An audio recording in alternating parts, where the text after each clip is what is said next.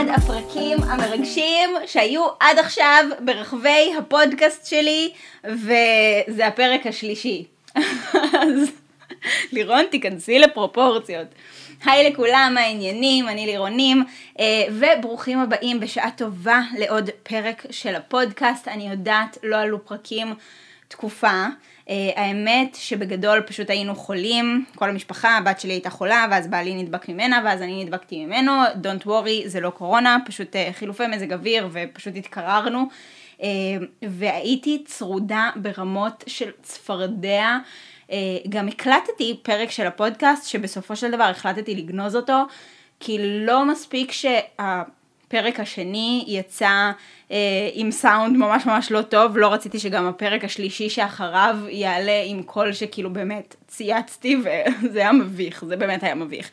אה, אז גנזתי את הפרק השלישי שהיה. ואני מתיישבת לצלם אותו עכשיו שוב, אבל אני חושבת שיהיו קצת שינויים בפרק הזה, בגלל שמאז שהקלטתי, קרו שינויים בחיים שלנו. אה, וזה ממש ממש ממש מרגש. אה, האמת שזה לא כזה כאילו, זה לא כזה big deal כמו שאני עושה את זה, בטח אתם מצפים לאיזה משהו אה, היסטרי. אבל בגדול, זוכרים את ה baby steps שאנחנו עובדים עליהם? אז כרגע אני עובדת על ה baby step הראשון שלנו, שתכננתי לסיים אותו בסוף חודש מאי. מה שקרה זה שלפני משהו כמו שבוע, קיבלנו החזרים ממש ממש ממש גדולים. אתם זוכרים שאמרתי לכם אה, לפני כמה שבועות שהיו לנו המון ביקורים אצל אה, רופאים פרטיים ומומחים, כל מיני בעיות שיש אה, לי בצוואר הרחם, וסקירה שהייתה לי עם ההיריון, ואמיר והגב שלו, וטרילילי, הוצאנו כמויות די גדולות של כסף על, על כאלה.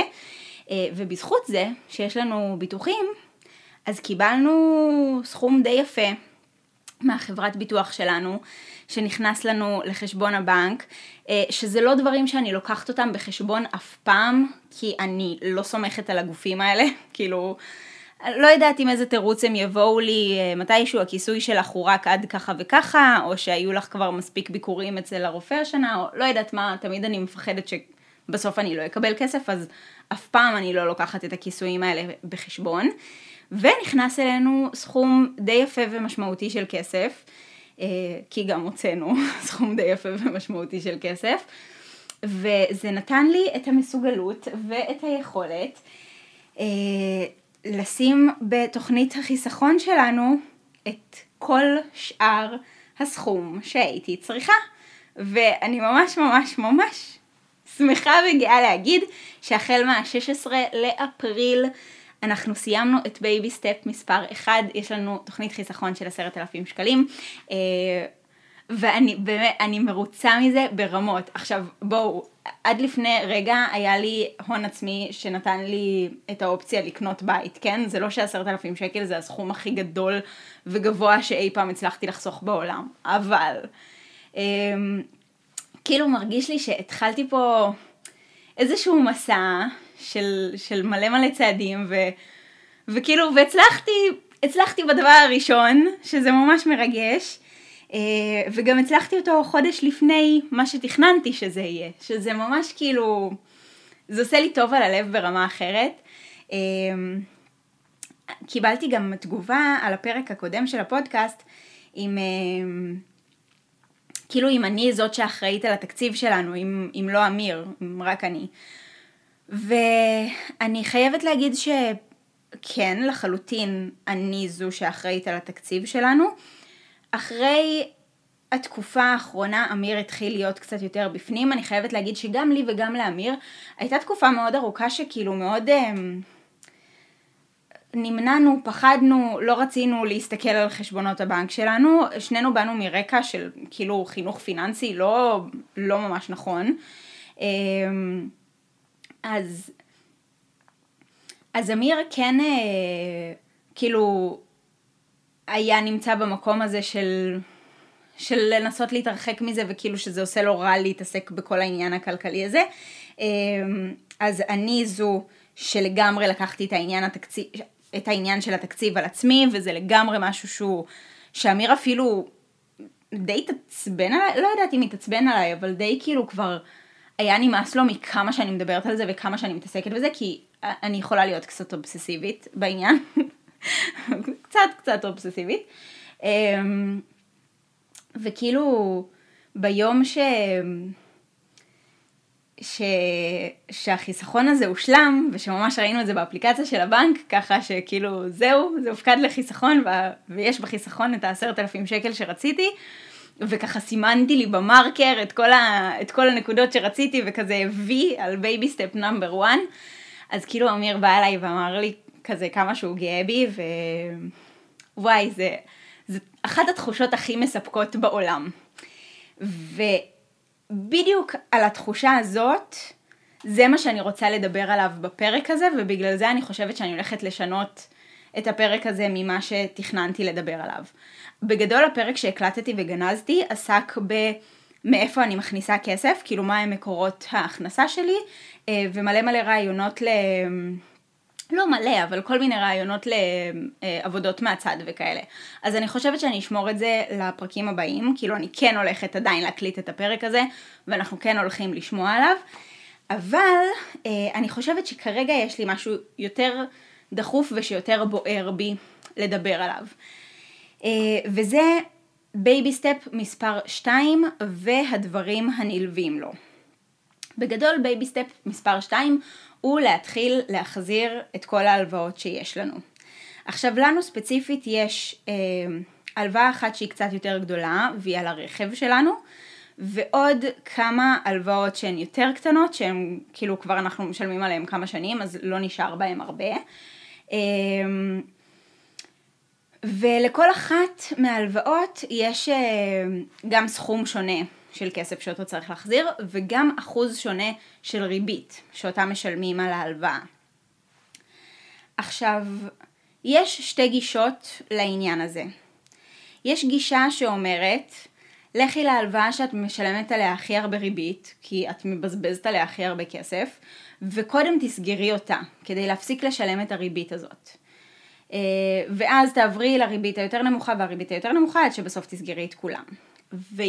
ויש גם לצורך העניין מסלול שלם במשכנתה שהוא בריבית כאילו שהיא משתנה ויכולה אה, לגדול וכאלה ואולי עדיף בכלל אותו לסגור לפני זה וכאלה.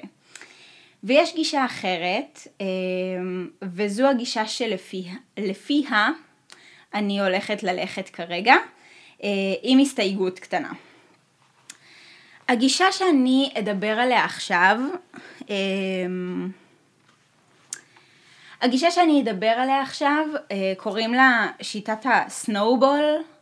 אה, זה כאילו, זו גישה שאומרת קודם סוגרים את ההלוואה הכי קטנה, ואז הגדולה יותר והגדולה יותר והגדולה יותר, אה, כדי כל הזמן להיות בתחושה כזאת של הישגיות ובתחושה כזו שהצלחת להשיג משהו ולסמן עוד וי ועוד וי ועוד וי ולהיות כאילו במין מקום כזה של יש אני מצליח אני מצליח. עכשיו אני יכולה להבין את האנשים שאומרים שזה טיפשי, כי מבחינה מתמטית ברור שיותר חסכוני להוציא פחות כסף על עמלות ולסגור קודם את, ה, את ההלוואה עם העמלה הכי גבוהה. מצד שני, אני, דעתי האישית היא, אה, אני חושבת שעניין כלכלי ועניין של החזר הלוואות זה לא, זה לא משחק של מתמטיקה. זאת אומרת, אם כולנו, אם זה היה משחק של מתמטיקה, אני חושבת שכולנו היינו, לאף אחד מאיתנו לא היה הלוואה ואף אחד מאיתנו לא היה נמצא במינוס. כי כולם היו יודעים, אוקיי, אני מרוויח 100 שקלים בחודש, אני לא מוציא יותר מ-100 שקלים בחודש, וזהו. אבל מה לעשות שעניין של החזר הלוואות ועניין uh, כלכלי ופיננסי, זה לא עניין שהוא מתמטי, זה הרבה פעמים עניין שהוא רגשי.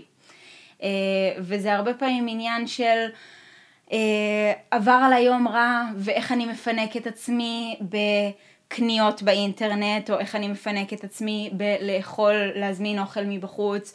Uh, וזה הרבה פעמים עניין של מה אבל אם אני אשלם את זה ב-80 אלף תשלומים אה, אבל אין עליהם ריבית אז אני אוכל להרשות לעצמי במקום להוציא 80 אלף שקל עכשיו להוציא רק אלף שקלים בכל חודש אבל אתה לא לוקח בחשבון שאז לאורך 80 החודשים הבאים אתה מוריד לעצמך בעצם אלף שקלים מהתקציב שלך בכל חודש אלף שקלים שכאילו, אתה לא יכול לדעת מה יהיה. אתם מבינים למה ממש חשוב לי לסגור הלוואות? כי כאילו, זה... גם מישהי הגיבה לי על זה לפני כמה פרקים, שכאילו היא לא מבינה מה הבעיה בתשלומים, כי אם כרגע כבד לי לשלם 5,000 שקל, אז למה שאני לא אשלם 5,000, אז למה שאני לא אשלם 2,500 שקל עכשיו ו-2,500 שקל בחודש הבא? כי אני לא יודעת מה יהיה בחודש הבא. יש מצב שבחודש הבא אני אצטרך לשלם על טיפול רפואי, יש מצב שבחודש הבא, החודש הזה אני לא משלמת אה, אה, ארנונה, ובחודש... החודש הזה אני לא משלמת ארנונה, ובחודש הבא אני כן אשלם ארנונה, אז כאילו, לא יודע, אני לא, אני באמת חושבת שיותר נכון הוצאות גדולות, למה יש לי זבוב בחדר? אני חושבת שנכון לא להוציא כסף שאין לך.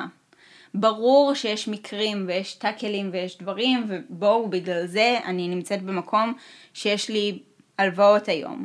אבל בדיוק בגלל זה גם המקום שבו לקחתי את baby step מספר 1 ברצינות ואמרתי אני רוצה שיהיה לי בו חיסכון כדי לא להגיע למקום שבו אני אצטרך לקחת עוד הלוואה.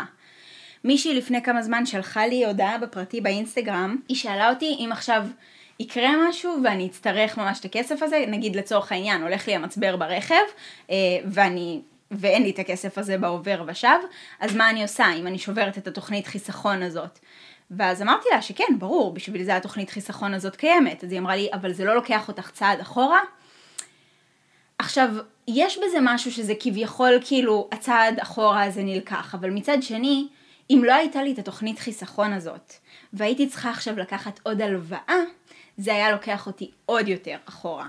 אתם מבינים מה אני אומרת? אז אני לא בעניין של לחלק לתשלומים, ואני לא בעניין של לקחת הלוואות, וכן, לחלק לתשלומים זו הלוואה, כי זה כסף שאין לכם, ואתם לווים אותו מהבנק. אה, אגב, כמו אשראי, כאילו, זה בדיוק ההבדל בין אשראי לדיירקט. שכרטיס אשראי זה כרטיס שמלווים לכם כסף לאורך החודש, ואתם משלמים את זה בעשירי לחודש הבא, לצורך העניין, בעשירי, בחמש עשרה, בראשון, מתי שאתם בוחרים. אמ, וואי, מה זה התבלגנתי עם עצמי. בקיצור, אמ, אז ככה, אז אני בגישה של לשלם קודם כל את ההלוואה הכי קטנה שיש לי, לסגור אותה, לעבור להלוואה שאחרי, לסגור אותה, וככה הלאה והלאה והלאה. יחד עם זו ובאותה נימה, אני אגיד שכן יש מקום שבו אני בוחרת קצת לשלב בין שתי הגישות ולהגיד משהו כזה.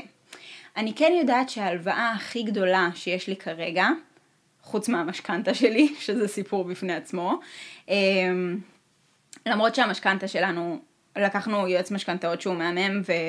ואני באמת חושבת שלקחנו אחלה, אחלה משכנתה ואחלה של תנאים. אמ, אבל ההלוואה על הרכב שלנו היא עם תנאים מאוד גרועים. כאילו, באמת, אנחנו משלמים המון כסף ש... שלא בא לי לשלם אותו, אמ, והאמת שגם אני, כאילו לקחנו את ההלוואה מגוף מסוים, וכשבאנו לקחת את המשכנתה על הבית והיינו צריכים כאילו ל... לרכז במקום אחד את כל ההלוואות וזה שיש לנו, פתאום הבנו שהם העבירו את ההלוואה שלנו מהמקום, מהמקום שממנו לקחנו וחתמנו לבנק אחר, שכרגע ההלוואה שלנו נמצאת שם. מסתבר שזה חוקי לעשות את זה, זה בדיוק באותם תנאים, הכל נשאר אותו דבר, אבל כאילו, פתאום ההלוואה שלי עברה לבנק אחר, שאני לא יודעת איך מתנהלים איתו, אני לא יודעת, כאילו אין לי בו אפילו חשבון או שם משתמש או משהו כזה, אז אני לא יכולה להיכנס לשם כל חודש ולראות כמה נשאר לי, כמה זה, כאילו, באמת, מצב שהוא הזיה, אה, וגם אנחנו משלמים שם ריבית שהיא מטורפת. אז מה שאני כן מתכננת לעשות זה במקביל באותה מידה, כאילו זה התכנונים שלי לשבועות הקרובים, זה אחד בחודש הבא אה, אחרי שסיימתי להפריש את הכסף לתוכנית החיסכון שלי, אז הסכומים הבאים שאני הולכת להפריש בחודשים הבאים הם לסגור את ההלוואה הקטנה ביותר שיש לי, אה, ובמקביל לזה אני מתכוונת לעבוד על, אני מתכוונת לעבוד על מחזור הלוואה. שזה אומר בגדול כבר אנחנו בדיונים על זה עם הבנק שלנו שמשפר לנו את התנאים ברמה שהיא לא נורמלית וזה בגדול הם הולכים לקחת, הם הולכים כאילו לשלם את ההלוואה שלנו, וההלוואה שלנו הולכת לעבור אליהם, ואנחנו הולכים לקבל אותה בתנאים יותר טובים. זה משהו שאני בחיים לא ידעתי שהוא קיים, עד שלא צפיתי בסרטונים של אייז'ה דנג שעליה דיברנו בפרק הראשון של הפודקאסט. אה, וזה משהו מטורף, וזה משהו שאפשר לחסוך ממנו מלא מלא מלא כסף. אה, אז כן, בגדול פנינו לבנקים אחרים, אמרנו להם, זה המצב שיש לנו, זה השווי של הרכב, ככה וככה נשאר בהלוואה, אנחנו משלמים ככה וככה ריבית, מה אתם יכולים לתת לנו? ואנחנו יכולים לבוא עם אותה, אותה בעיה לבנק 1, 2, 3, 4, 5, ואתם יודעים, תמיד יש גם את הבנקים ה... הזניחים, הזוטרים האלה, שכאילו אף אחד לא שמע עליהם, לאו דווקא פועלים או לאומי או כאלה, יותר אה, בנק אגוד, בנק, אה, לא יודעת, כל מיני כאלה. אה, ללכת ממש למלא מלא בנקים ולראות מי ייתן לכם את ההצעה הכי טובה, ויש כאילו, לא יודעת, במקרה שלנו, לפחות בחצי, זה עדיין לא נסגר, אז אני לא יודעת להגיד כאילו, אני, לא, אני עדיין לא יודעת להגיד לכם בכמה הריבית שלנו תופחת, אבל היא תופחת משמעותית, ואני אעדכן על זה בתקווה בפרק הבא, אה, ברמה שיחסוך לנו אלפי שקלים לאורך התקופה הקרובה.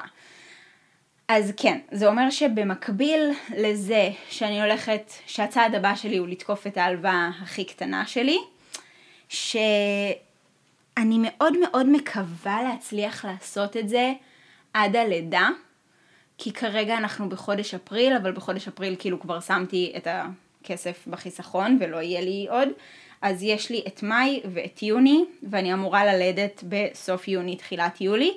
אז אני מאוד מקווה בחודשיים הקרובים להצליח לסגור את ההלוואה הכי קטנה שיש לי, היא הלוואה שלקחנו ממש ממש ממש מזמן ולא נשאר בה הרבה כסף. אמ, ו... וכאילו ולצד זה, להיות גם בתחושה שאני לא משאירה את ההלוואה הכי גדולה שלי עם ריבית מטורפת, אלא אני כן עובדת עליה ולפחות מקטינה לה את הריבית. אה, ואז לפחות מבחינת ריבית אני אשלם על זה פחות. אז זו הגישה שלי כרגע. זאת אומרת, אני עובדת בשיטה אה, של הסנואובול, של להיות בתחושה של הישגיות, אני חייבת להגיד שהתחושה הזאת של למרקר את העשרת אלפים שקל האלה, יש לי כזה מין טבלה כזו עם עשרה היו בה. מי שצופה בי ביוטיוב, אני לא יודעת אם תצליחו לראות את זה, אבל היו בה מין אה, עשרה בלוקים כאלה, שכל אחד מהם הוא אלף שקלים, ואז אמרתי, טוב, כל פעם שאני אשים אלף שקלים בתוך החיסכון אני אמרקר אותו, וההרגשה של להצליח למרקר את כל העשרה, והתחושת סיפוק הזאת, אה, היא פשוט מטורפת, ו...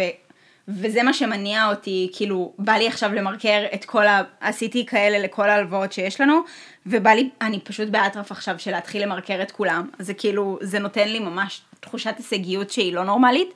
אמ, ובגלל זה אני מתכוונת גם ללכת מההלוואה הקטנה ביותר ועד הגדולה ביותר, כדי פשוט, פשוט לעשות את זה, ולא להיות תקועה עכשיו בתוך... טוב, אה, אני צריכה לשלם עכשיו אה, מיליונים על המשכנתה שלי ואני בחיים לא אצליח, אז יאללה בואו נוותר על זה. כזה. יש איזשהו נושא שרציתי לדבר עליו, אה, כי אני לא מפסיקה לקבל על זה תגובות, אה, מאז הפרק הראשון, ששאלתי אתכם שאלה על זה, וזה על כרטיסי ה direct. כרטיס חיוב מיידי, כרטיס, לכל בנק יש שם שונה אה, לכרטיס הזה. בגדול, הרוב הגדול של התגובות שקיבלתי הן או מאנשים שיש להם כרטיס direct ושזה הדבר הכי טוב שקרה להם ומאז שיש להם כרטיס direct אז הם לא במינוס והם מצליחים לחסוך מלא כסף או מאנשים שהיה להם כרטיס direct כשהם היו נערים אה, ו... וזה היה מהמם כי הם לא היו נכנסים למינוסים ואז הם גדלו והם לקחו כרטיס אשראי ומאז יש להם מינוס. אמ,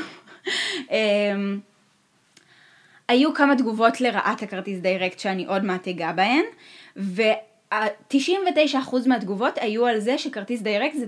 זה כרטיס שהוא מיועד לנוער. עכשיו, בא לי לסכם ככה את כל, ה... את כל השיח הזה כדי פחות או יותר לפשט את העניינים לפי איך שאני מבינה אותם. בגדול אני חושבת שממה שאני רואה מסרטונים כלכליים שקיימים בעולם, כרטיס direct, slash חיוב מיידי, slash debit, slash איך שלא תבחרו לקרוא לזה, אמ, הוא כרטיס שהוא מאוד נפוץ בכל העולם.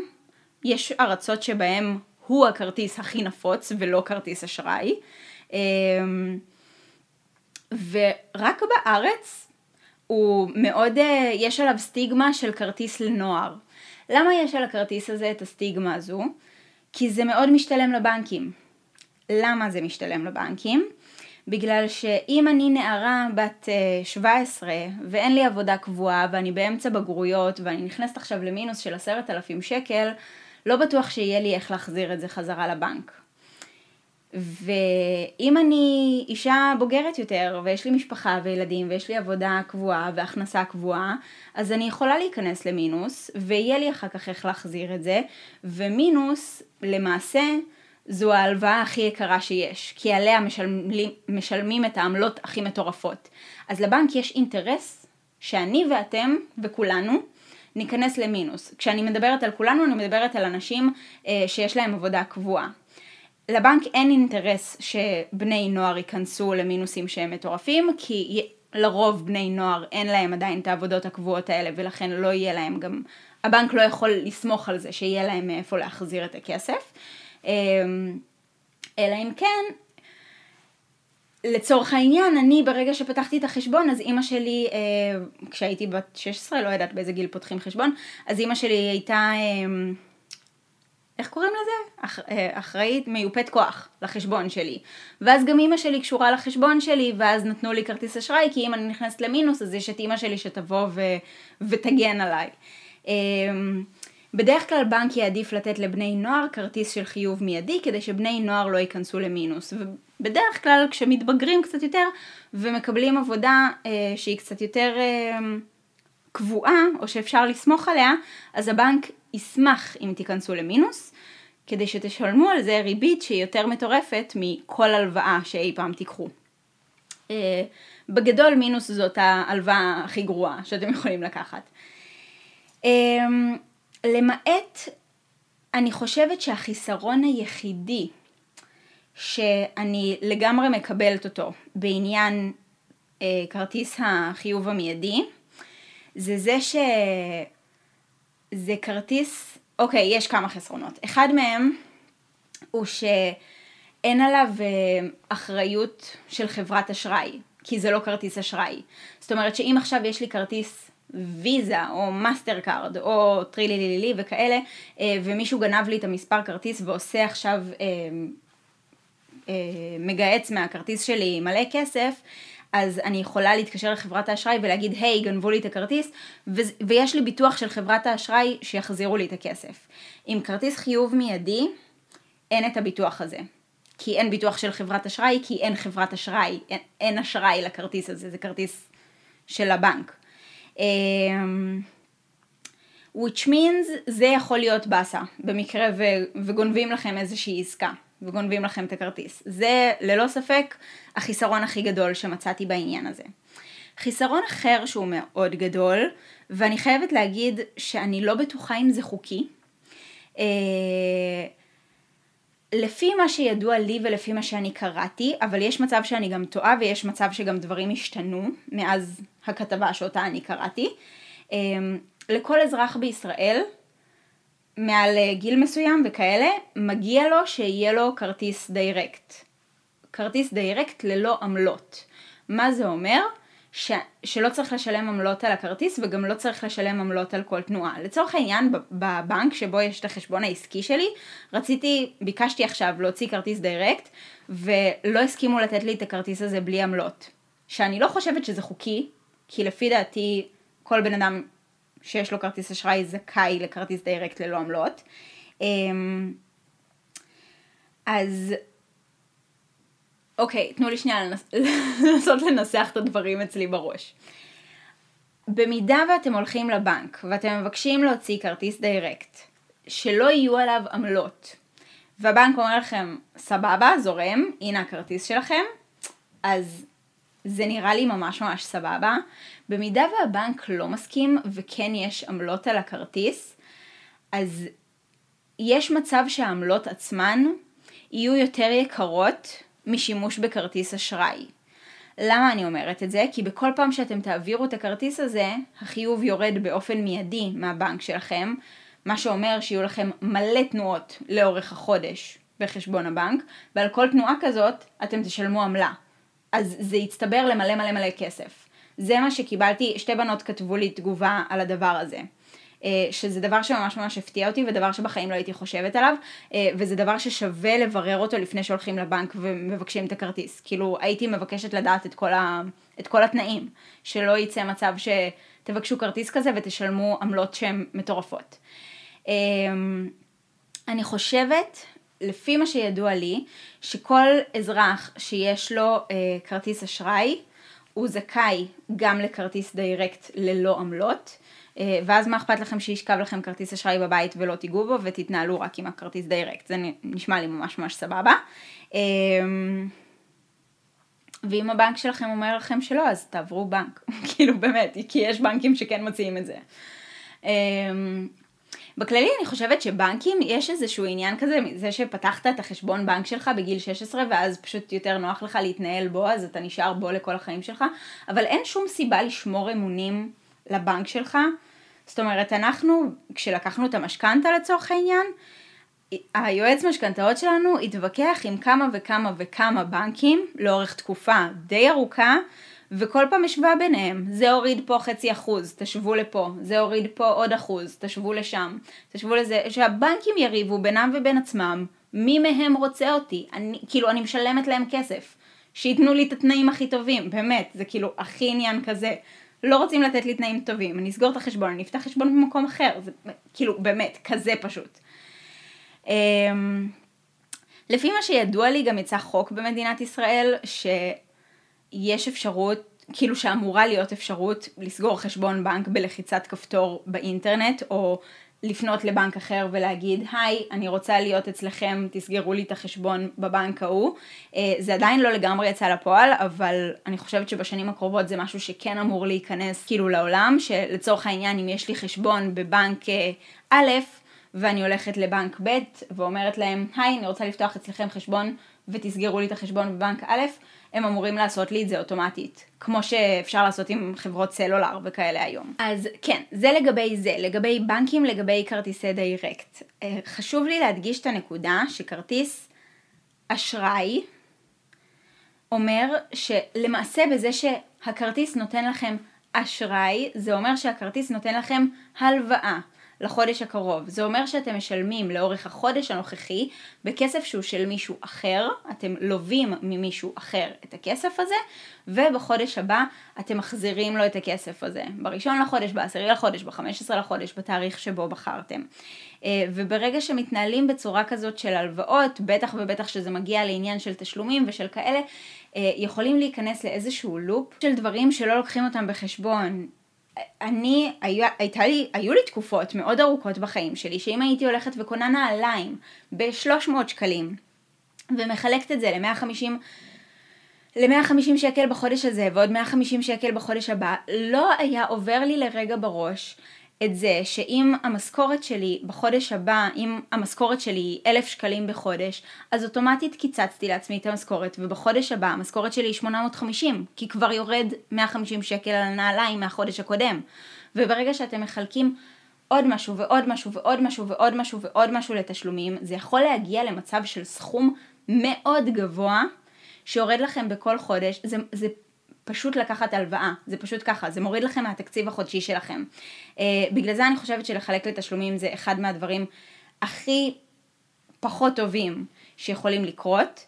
Uh, אני יכולה להגיד לכם שלי ולאמיר, לקח משהו כמו שנתיים להגיע למצב שבו אין לנו יותר תשלומים, כי הייתה לנו תקופה שבה כן שילמנו בתשלומים על דברים, ובאיזשהו יום הבנתי, אני חושבת שזה היה משיחה, משיחה עם יובל ששון, אם אני לא טועה, כאילו פתאום התחלתי להבין את, ה, את העניין הזה של התשלומים, והגעתי למסקנה שאני לא רוצה לשלם בתשלומים יותר, ולקח לנו משהו כמו שנתיים להגיע למצב שאין לנו יותר תשלומים בכלל על כלום.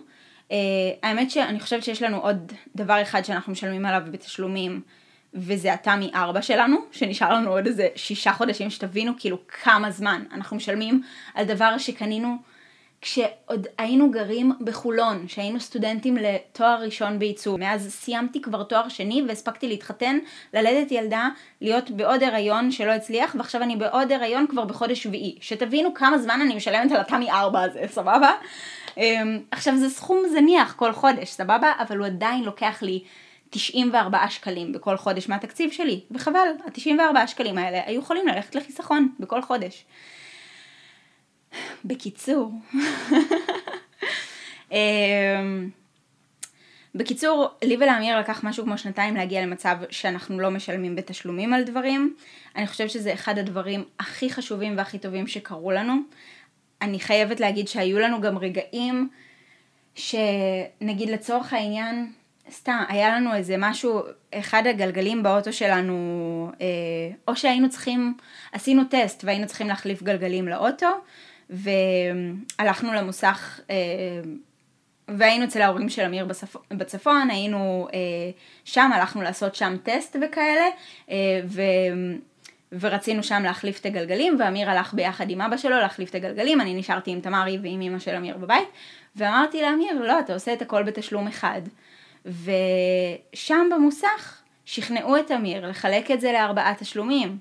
ואני ממש ממש ממש התעצבנתי על זה, אני ממש זוכרת את זה, כי זה, זה לא על העניין של לשלם כל חודש על גלגל אחר, זה על העניין שאין שום סיבה שאם אני יודעת שהמשכורת החודשית שלי היא X, היא עכשיו תהיה X מינוס Y, בגלל שלפני שלושה חודשים החלפתי גלגלים לאוטו. אם יש לי עכשיו משהו שהוא לא מתוכנן, אז יש לי בשביל זה תוכנית חיסכון, והיא קיימת בשבילי בצד, ואני יכולה לקחת אותה ולהשתמש בה, ועדיין להמשיך להתנהל כמו שצריך לפי המסגרת שלי.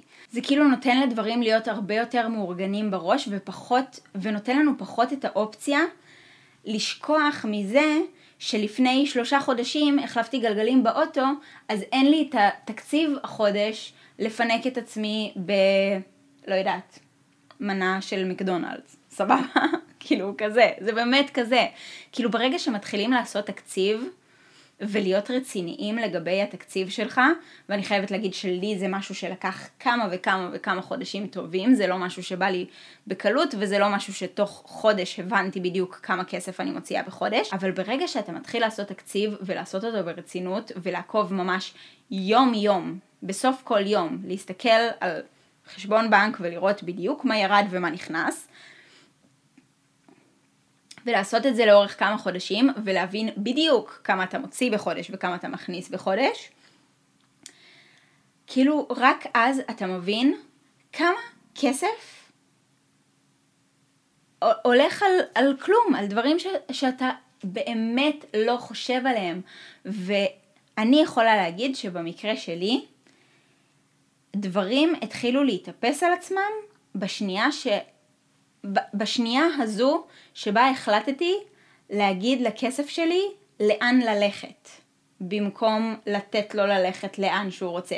שזה מצחיק להגיד את זה, כי בכל המקרים אני אמרתי לכסף שלי לאן ללכת, כן? גם אם אני הלכתי למקדונלדס וקניתי שם ארוחה, אמרתי לכסף שלי לאן ללכת, אבל פשוט, כאילו זה מעולם לא היה משהו ש... שחשבתי לעצמי עליו. תמיד הייתי בגישה כזאת של כזה... לא יודעת, אני הולכת uh, ברחוב ואני צמאה ואני קונה לעצמי בקבוק מים ואני אומרת בסדר, אבל זאת לידי, היא קונה חבילת סיגריות, זה יותר יקר, היא מבזבזת יותר כסף על משהו שהוא לא בריא וזה וזה וזה, אבל סבבה, היום אני אקח איתי בקבוק מים, אני גם יותר תורמת לאיכות הסביבה, גם לוקחת איתי בקבוק מים מהבית, גם פחות מוציאה על זה כסף. כאילו, תחשבו על זה ש...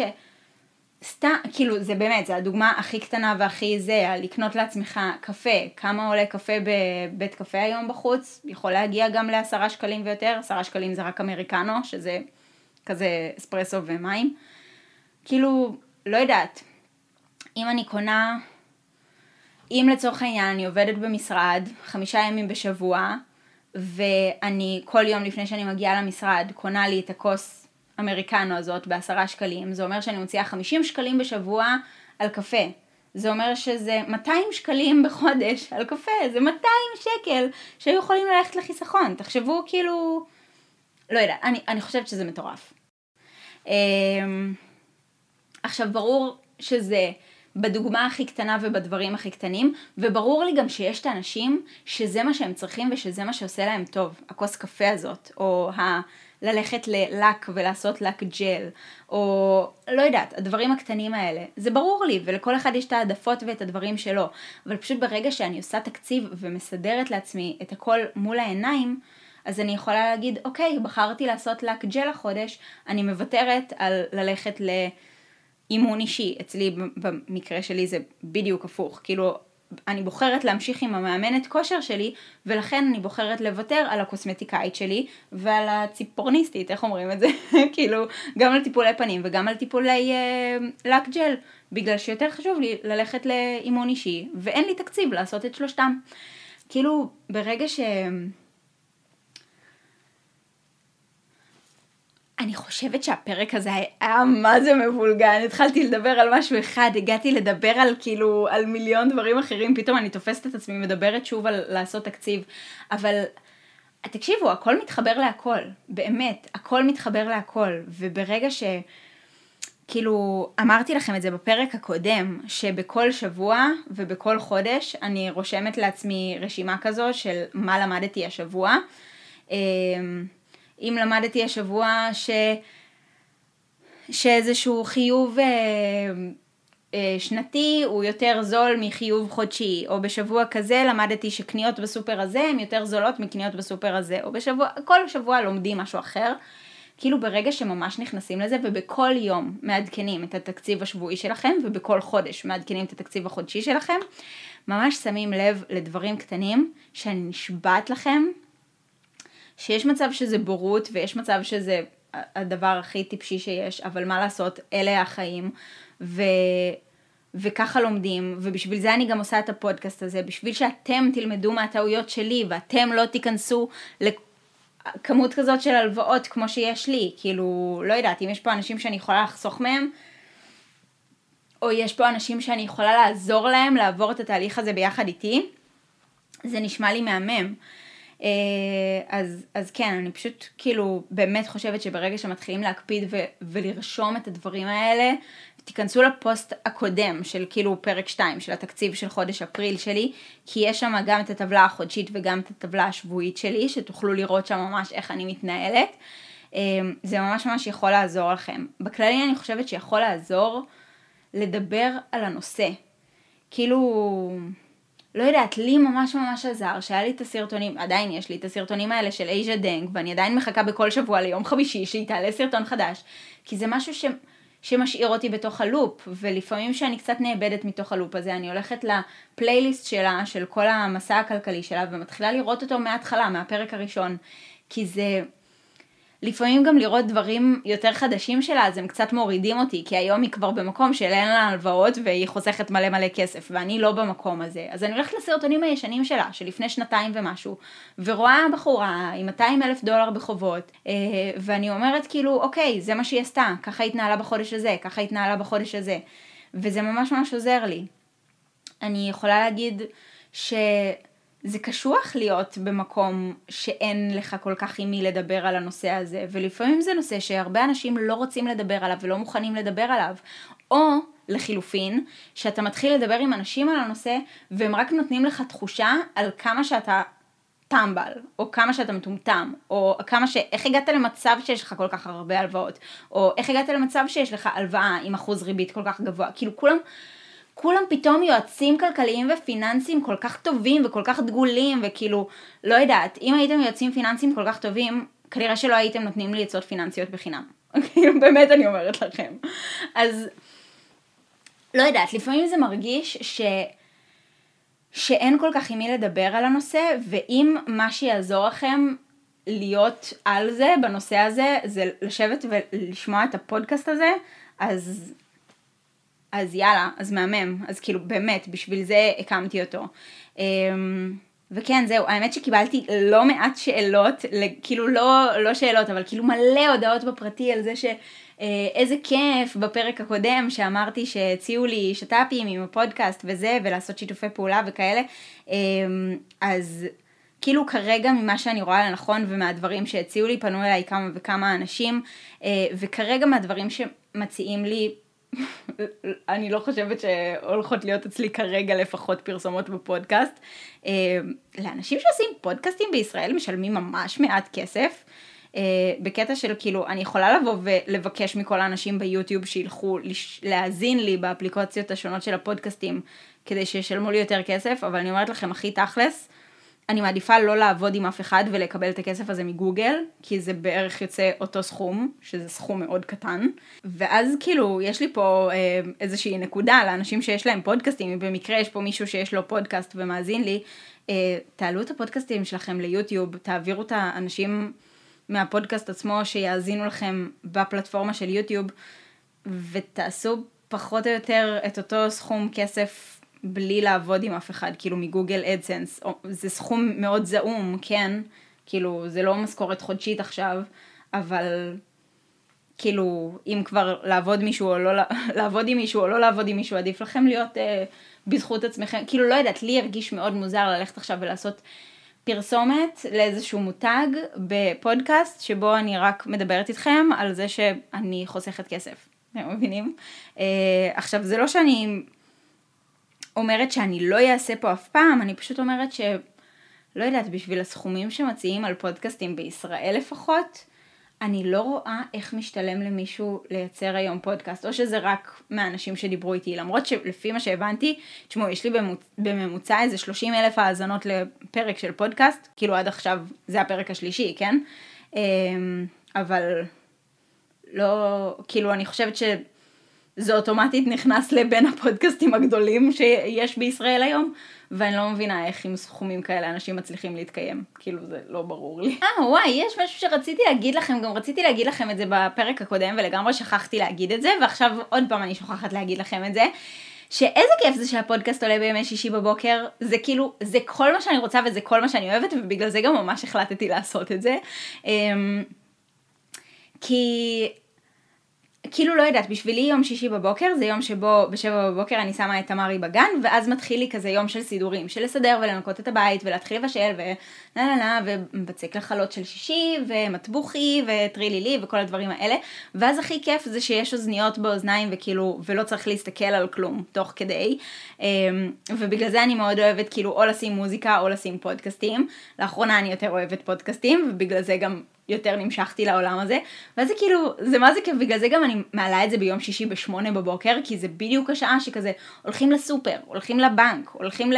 לא יודעת, לכל הסידורים והדברים האלה, מבשלים וזה, מתחילים אה, להכין דברים, לנקות דברים וזה, אז קיצר, זה מה זה כיף לי, אני אה, כאילו מבסוטה רצח על זה שבחרתי ביום שישי בבוקר, אני חושבת שזה טיימינג מעולה לעלות פודקאסט אחת לשבוע, רק בתקווה ואני אפסיק להיות צרודה ובאמת אתחיל לחזור לעלות פרקים כל יום שישי בשמונה בבוקר וזה יהיה מהמם. Uh, מה עוד רציתי להגיד? בגדול הפרק הקודם שגנזתי, אז הוא נפתח בלדבר איתכם על זה שאיזה כיף זה יום שישי וזה וזה וזה, אה, ובנימה קצת יותר רצינית רציתי לבקש מכם משהו, אה, כי קיבלתי תגובה האמת שזאת הייתה תגובה אחת פשוט של מישהי שהגיבה אותה 15 אלף פעם, עוד פעם ועוד פעם ועוד פעם, כאילו עשתה קופי פייסט של אותה תגובה אה, על, ה, על הפרק האחרון, וזה שהיא כאילו חישבה לפי אה, הרמזים שאני נותנת, אה, כמה כסף אנחנו מרוויחים בחודש, ועל זה שאנחנו מרוויחים ממש ממש ממש הרבה, וטרילי לי לי לי.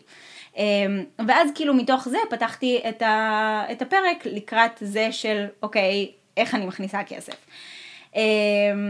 אז זה אכן משהו שהולך לעלות אה, בקרוב, כאילו אני כן הולכת לדבר על כל מקורות ההכנסה שלנו. אה, אני כן באותה נימה הולכת להגיד לכם, תשמעו, אני לא מסתירה פה יותר מדי, בואו, אה, אני לא מדברת פה על סכומים, אבל אני כן אומרת לכם פחות או יותר, כאילו, בתוכנית חיסכון שלי חסכתי עשרת אלפים שקל, אנחנו כן מוציאים על ביטוחים ועל, אה, אה, איך קוראים לזה? אנחנו כן מוציאים על ביטוחים ועל פנסיות ועל דברים כאלה 5,000 שקל בחודש, אנחנו כן ככה וככה, ואז כשאתם רואים את זה מבחינת אחוזים, אתם יכולים לחשב כמה כסף אנחנו עושים, סבבה? זה לא שאני כאילו אה, הפנטגון פה ויש לי פה סודות מדינה, זה לא כזה. אני מדברת איתכם הכי תכלס על זה שאני לא רוצה לדבר סכומים, בגלל שאני רוצה שהילדים שלי יגדלו במציאות פיננסית שהסכומים של ההורים שלהם לא חשופים בפני כל העולם. אז אני ממש אשמח אם תוכלו לא לעשות את החישובים האלה פה בתגובות אה, ולפרט אותם, כי כי די, נו, אני כאילו מדברת איתכם הכי תכלס, ואנחנו לא ילדים בני שנתיים, אה, ואני לא באה וכאילו, לא יודע, כאילו, אומרת לכם הכי תכלס. זה מה שבא לי וזה מה שמרגיש לי בנוח כרגע, ואני מאוד מאוד אשמח אם תכבדו את זה.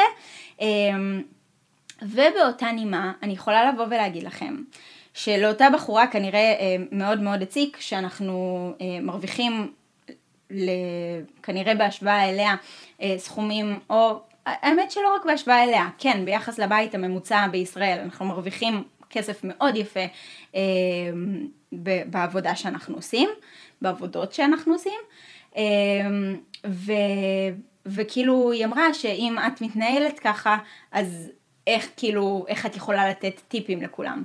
אז מה שאני יכולה להגיד לכם זה שהדבר הכי טוב בכל העניין הזה זה שלא גנבתי מאף אחד ולא המצאתי גם שום דבר. בואו, כולכם יכולים לבוא ולפתוח ערוץ יוטיוב. כולכם יכולים לבוא ולפתוח פרופיל באינסטגרם, כולכם יכולים לבוא ולפתוח בלוג.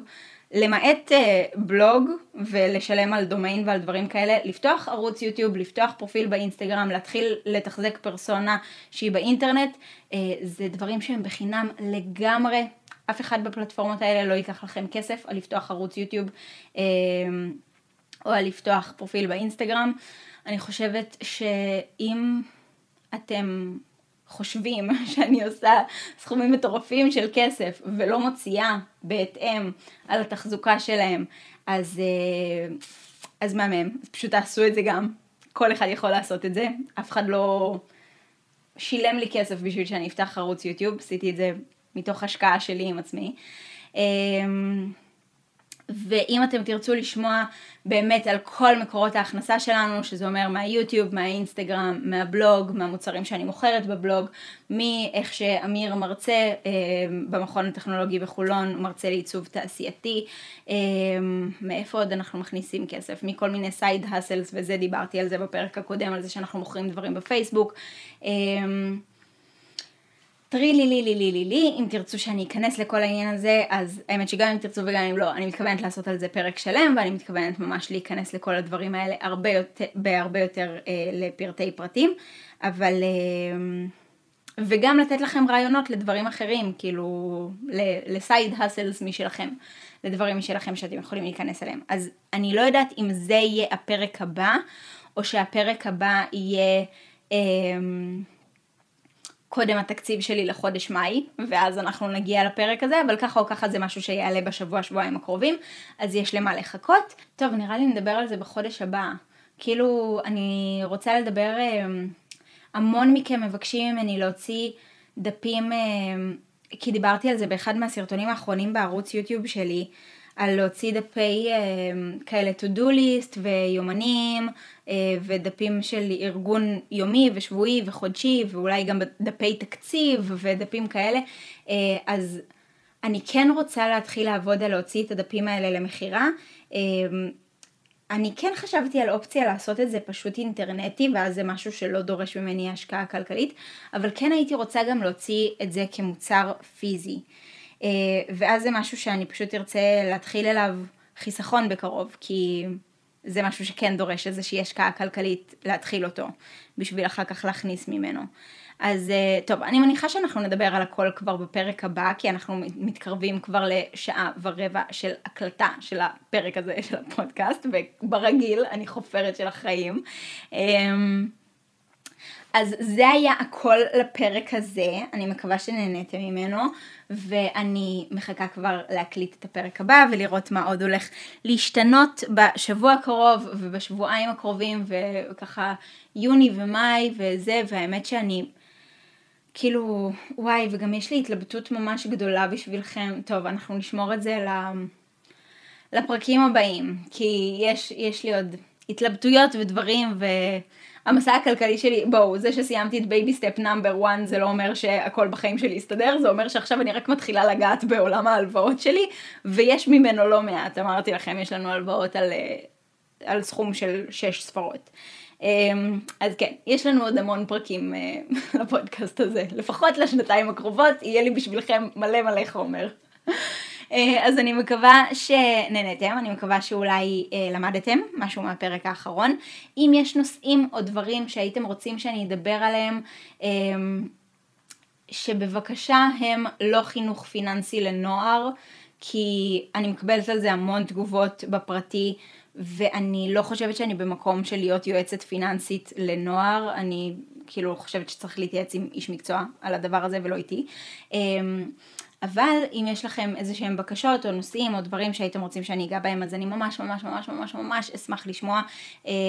כי, כי בא לי באמת להנגיש לכם את התוכן שהכי יעזור לכם וזה כאילו לא יודע כל כך כיף לי ליצור את הדבר הזה כי הוא כל כך מגיע מתוך מקום של אני לא מחפשת שת"פים, אני לא מחפשת לעשות כסף, אני לא מחפשת להגיע למלא צפיות, כאילו בואו העליתי שני פרקים, כבר הגעתי ללהיות אחד הפודקאסטים הכי גדולים שיש בישראל.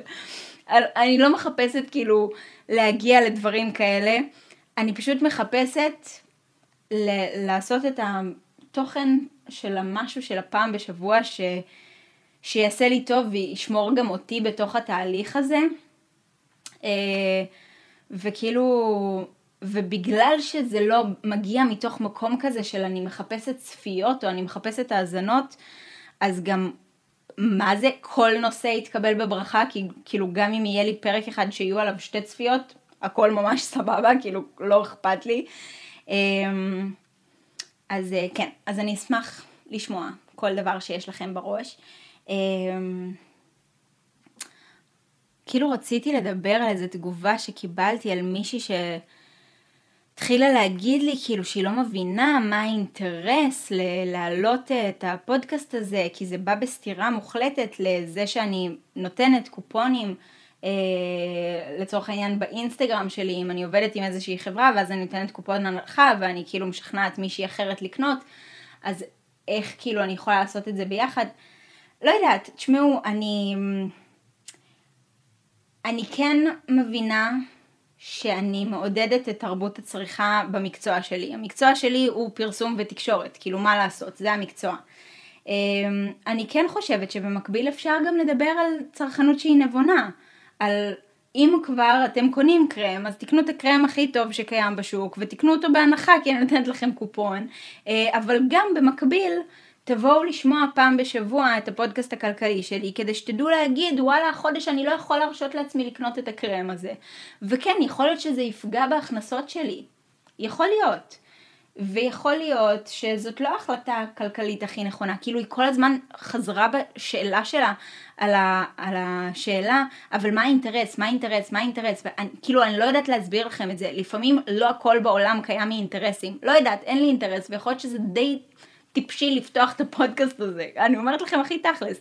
יכול להיות שזאת לא החלטה כלכלית חכמה. כמו שזה לא היה החלטה כלכלית חכמה, ללכת לאחת מההצעות הכי גדולות שקיבלתי אי פעם בקריירה שלי אה, לפני שילדתי את תמרי, שהציעו לי לקחת אה, איזשהו חלק מאוד גדול בחברה של אה, תחליף מזון לתינוקות ולקדם אותם ולשווק אותם ולחתום איתם איזה משהו שהוא שנתי כזה והוא מאוד מאוד גדול והוא עם פרסומות בטלוויזיה וטרילי לי לי והיה יכול לסגור לי מה זה פינה כאילו בחיים אה, ולסגור לי את כל ההלוואות שיש לי היום בככה ואמרתי להם לא בגלל שהענקתי את תמר. האם זה היה החלטה כלכלית נבונה? כנראה שלא. האם זה היה החלטה שהיא הייתה יותר נכונה לעסק שלי? לא יודעת, כנראה שכן, כי העסק שלי הוא להיות אני, ואם כרגע התהליך שאני עוברת בחיים שלי הוא תהליך כזה פיננסי וכלכלי, ולסגור הלוואות ולהתאפס על החיים שלי, אז, אז כן, אז אני אייצר תוכן על זה, ואולי האינטרס הוא, אין אינטרס, כאילו באמת, זה מגיע מתוך מקום כזה, ואני מבינה שיש אנשים שזה לא מתיישב להם ביחד, ושהם לא מבינים למה אני עושה את זה, אמ, ויכול להיות שאתם צודקים, כמו שבאותה מידה יכול להיות שאותם אנשים יבואו ויגידו לי אל תחזירי הלוואות, לכי תשקיעי כסף, או אל תחזירי את ההלוואה הכי קטנה, תחזירי את ההלוואה עם הריבית הכי גבוהה. אנשים שחושבים בצורה כאילו מאוד מתמטית ומאוד אנליטית, ואני יכולה לה, להאמין של-90% מהם אין מינוסים ואין הלוואות והם כאילו כאלה, אבל, אבל הם לא אני. כאילו, אבל אני אחרת, ולי יש הלוואות, ולי יש מינוס. אמ, האמת שהחודש הזה זה היה החודש הראשון שבו, כאילו, אתם יודעים, ירדו כל ההוצאות הגדולות של החודש, ועדיין היינו בפלוס בחשבונות שלנו. וכאילו, ו, וממש, כאילו, לא יודעת, ראיתי כזה פתאום את ההתפתחות עם, ה, עם התהליך הכלכלי שלי, ואמרתי, וואלה, זה עובד. אז, אז לא יודעת. אז לא יודעת, אני לא יודעת אם זאת החלטה חכמה לעשות את הפודקאסט הזה, אני אומרת לכם הכי תכלס. אבל זאת ההחלטה שלי כרגע, אה, וזה מה שאני עושה, ולאנשים שתוהים לעצמם מה האינטרס, אז אין לי אינטרס, כי אני אומרת לכם הכי תכלס, להגיד שזה משתלם מבחינת הזמן שאותו אני מוציאה על אה, לייצר את הפודקאסט הזה, לא. אה, אבל זה מה שיש, זה מה שבחרתי לעשות, ואני אוהבת את זה ממש. קיצר, אני ממש ממש מקווה שנהניתם מהפרק הזה, אני מקווה שהצלחתי אולי לעזור לכם במשהו, ואנחנו נתראה כאן בפרק הבא, בשבוע הבא. ביי יוש!